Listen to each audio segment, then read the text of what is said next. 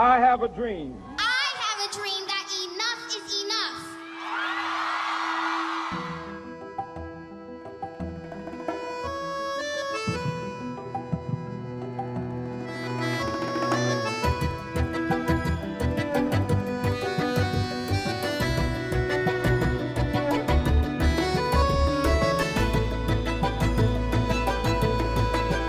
Eerste hulp bij verwondering.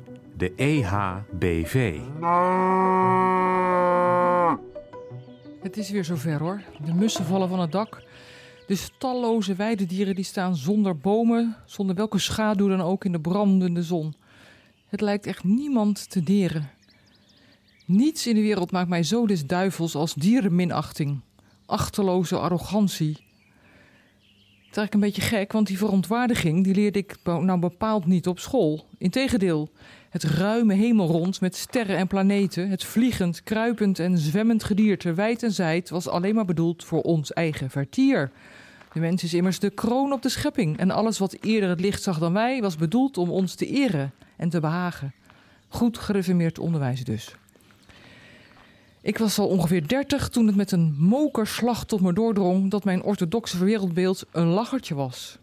Tijdens een hele warme nacht, onder een ontzagwekkende sterrenhemel in Zuid-Frankrijk, lag ik met mijn hoofd buiten mijn tentje. Ik keek naar boven en raakte onmiddellijk buiten adem. De schepping duizelde mij en alles kantelde voorgoed.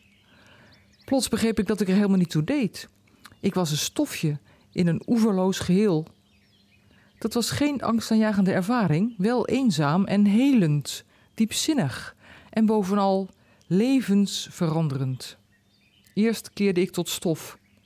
Toen ik daar weer uit wist te krabbelen, leek ik sprekend op de rest van de schepping. Ik was een uitingsvorm van al het andere. Dieren begonnen me vol aandacht aan te kijken. Toen kreeg ik de eigenaardige sensatie dat ze misschien meer begrepen dan ik. Wat is een mensenkind dat gij zijner gedenkt, had ik geleerd.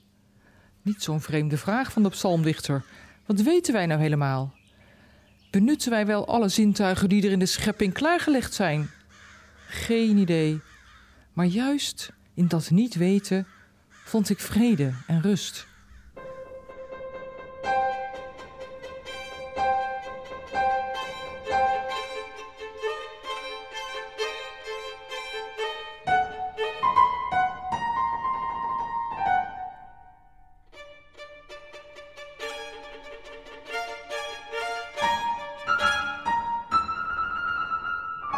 Met een ongelooflijk gemak kon ik in contact komen met vliegend, kruipend en zwemmend gedierte. In zoveel dierenogen nam ik aandacht, snaaksheid, angst, liefde, nieuwsgierigheid waar. Het paradijs, als je het goed nagaat. Maar helaas, met deze verlichte kijk op onze medeschepsels groeide ook mijn helle woede over onze arrogantie jegens de dieren. Hoe zijn we ooit op de gedachte gekomen dat we deze medeschepsels achterloos kunnen opsluiten, veronachtzamen, uitbuiten, gebruiken, over het hoofd zien, mishandelen, afslachten? Heeft iedereen dat gereformeerde wereldbeeld soms meegekregen of zo? Kijk, als we alleen elkaar bevechten of dwars zitten, dan kan ik best minzaam inzicht opbrengen voor ons wederzijdse onvermogen. Maar als het over de onrechtvaardigheid jegens het vrije, onschuldige dier gaat, wordt het rood voor mijn ogen. Blijkbaar is onnozelheid nog wel te verdragen, maar de combinatie van domheid en arrogantie doet mij kennelijk de dampen aan. Om nog een beetje deel van leven te hebben, geef ik wel aan goede doelen voor dieren, maar lees ik lafhartig nooit de verslagen van mishandeling. Bovendien vrolijk mezelf op met zoveel mogelijk dierenontmoetingen. De relatie die ik al jaren met mijn katten heb, is daar het ultieme voorbeeld van.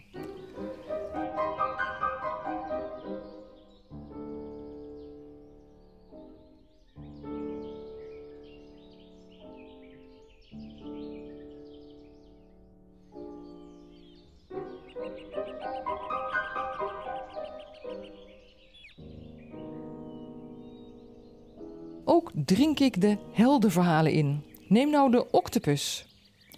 In eerste instantie speet het me toen ik las dat het zulke intelligente dieren zijn. Stiekem vond ik het namelijk altijd wel een lekker hapje. Tegenwoordig heb ik gewoon een inktvisknuffel op mijn bed. Ook leuk. Want op een dag vertelde een vrouw die in Nieuw-Zeeland een duikschool runt mij hoe schrander de octopus is. Brugklassers die verdrukken hun snoetjes tegen haar aquaria, waarin vele inktvissen huizen.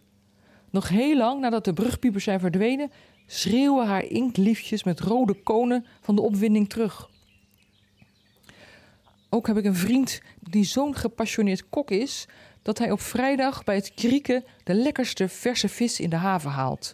Aan de ene kant van zijn woonkamer heeft hij een aquarium voor het kleine grut. Aan de andere kant, achter zijn bank, staat het zwembad voor de gescoorde inktvis. Nou ja, en wat wil nu het geval? Komt hij op een zondagochtend beneden, was het kleine grutreservoir leeg en lag er water van die bak richting die van zijn inktvis. Nou, die veelvoeter die lag dik tevreden in zijn glazen kooi te boeren van verzadiging. Die gek die zou dus van honger en begeerte zijn glazen kooi uitgekropen zijn naar de prooien aan de andere kant van de kamer. En zou ook nog de tegenwoordigheid van geest hebben gehad om vooruit te denken. Jee, straks ziet die leuke amateurkok me. Laat ik maar vluchtdekking zoeken, terugvluchten. En een paar dagen na het bezoek van deze vriend hoor ik op de autoradio het volgende nieuws. De inktvis haalt van ver halve kokosnoten, zodat hij zich er in tijden van gevaar onder kan verschuilen. Maar de geleerden pikken dit nieuws niet, al dus het bericht, want nog nooit heeft een wetenschapper geloofd dat een lagere diersoort vooruit kan denken. Leven ons domme, superieure zelfbeeld. Ik blijf wel met de vraag zitten waarom we hogere en lagere diersoorten onderscheiden. Zelf vind ik domme mannen ook vaak leuk. Zelfs de onaaibare hebben wel wat. Terwijl wij volgens recent onderzoek bedreigde dieren die we niet aaibaar vinden, zoals enge spinnen of gladde kikkers, best willen laten uitsterven. Ik ben natuurlijk niet zo'n heilig boontje dat ik afgrijzen of onnabijheid voor griezelige dieren niet snap. Maar er zijn toch ook een hoop gladde kikkers en onaaibare spinnen in de mensenwereld. En dat mag zeker allemaal wel.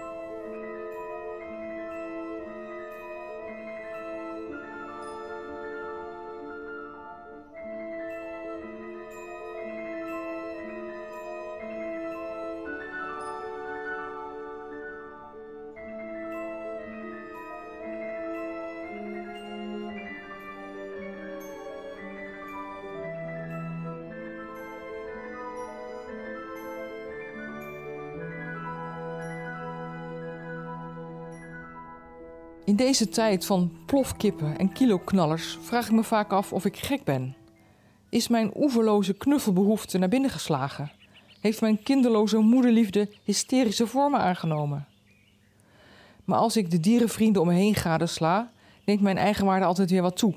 Onlangs vertelde de Vlaamse kerkjurist en politicus Rick Torres mij tijdens een interview over het verraad van zijn kindertijd. Zijn buurman was boer en die hield zoveel van zijn koeien dat hij ze altijd streelde en verwende. Maar plots keek de boer met droge ogen toe toen zijn dieren werden ingeladen in de doodswagen die ze naar de slagbank bracht. Toen brak Riks onschuld. Het is een opluchting, een intellectueel zulke taal te horen bezigen. Ook troost het mij te lezen dat Leonardo da Vinci al rond 1500 regelmatig gekooide vogels op de markt kocht en ze weer vrijliet. Net als Franciscus deed. Boeddhistische lama's doen dat nog steeds. Da Vinci is zo'n beetje de eerste vegetariër van de moderne tijd. Van die wereldberoemde schilder, tekenaar, architect, beeldhouwer, muzikus, ingenieur en natuuronderzoeker zijn ontwerpen bekend van vliegtuigen, liften, muziekinstrumenten en baggermachines. En juist van hem is de uitspraak: In mijn jonge jaren al heb ik het eten van vlees afgezworen en eens zal er een tijd komen dat mensen het doden van een dier zien zoals het doden van een mens. Nou jongens, nu is deemoed aan de orde, want Leonardo's voorspellingen over vliegtuigen en boormachines die hebben al lang het licht mogen zien, maar deze andere profetie nog niet. Ik droom over een tijdperk waarin kinderen niet meer willen geloven dat het nog maar zo kort geleden is dat er biggetjes zonder verdoving werden gecastreerd. Ja, heus, lieve kleintjes. Toen vonden de mensen de smaak van gave big te natuurlijk. De stoere jongens die de biggenballetjes verwijderden, droegen een koptelefoon met muziek om het babygekrijs te overstemmen. Als deze kinderen daar dan foto's van te zien krijgen, zullen ze denken dat er flink gefotoshopt is. Ook de ontelbare lichamen van doodgemaakte dieren hangend in liefdeloze knijpers, het zal te onbegrijpelijk zijn. Of dat de mensen jassen wilden afpakken van zachte zeehondjes. En dat stelen deed je dan met knuppels, want het waren gevaarlijke dieren. De kinderen zullen lacherig van ongeloof zijn. Als we later echt groot zijn, kan geen mens zich meer indenken waar we toe in staat waren. Niet dat de mensen later zullen vinden dat we slecht waren. In hun ogen waren wij alleen een beetje dom en deerniswekkend.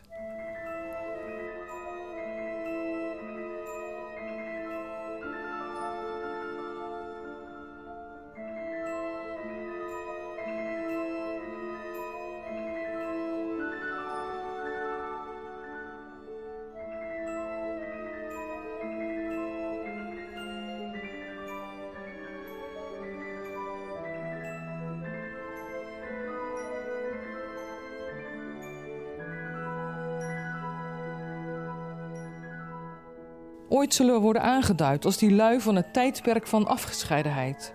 Toen de mensen nog precies wisten waar ze zelf ophielden en de buitenwereld begon. We zullen zo in de geschiedenisboekjes terechtkomen. Men zag de werkelijkheid als een verzameling afzonderlijke dingen en wezens. In feite was men in het begin van de 21ste eeuw niet veel verder dan de 16e eeuwse eilandbewoners. Die werden overvallen door piraten. Deze inboorlingen zagen wel de boeven op hen afkomen, maar het aangemeerde schip hebben ze allemaal over het hoofd gezien. Puur omdat ze daar geen referentiekader voor hadden. Eeuwen later was dat nog niet veel beter. Men had niet in de gaten dat ieder individu eenzaam en afgescheiden opgesloten zit in zijn eigen beperkte ervaringswereld. Bijna niemand had weet van het grote verband. Men dacht toen nog dat iedereen een afzonderlijk golfje was en ze zagen de zee over het hoofd. Te pletter slaan was het ergste wat je kon overkomen dat elk golfje gewoon weer terug de zee ingaat? Niemand die dat durfde denken. Jij bent gewoon mij in een andere vorm, maar men had daar geen idee van. Het besef dat er geen energie verloren gaat, beperkte zich in die tijd alleen tot de natuurkunde. Men begreep niet dat het menselijk wangedrag ten opzichte van dieren en elkaar als een boemerang op ons terugketst. Vandaar dat er ook geen oorzaak werd gevonden van het algemeen gevoel van onbehagen. Zo zullen ze ons ooit evalueren. Deerniswekkende wezens die niet in staat waren zelf de pijn van het door ons gehanteerde geweld te ervaren.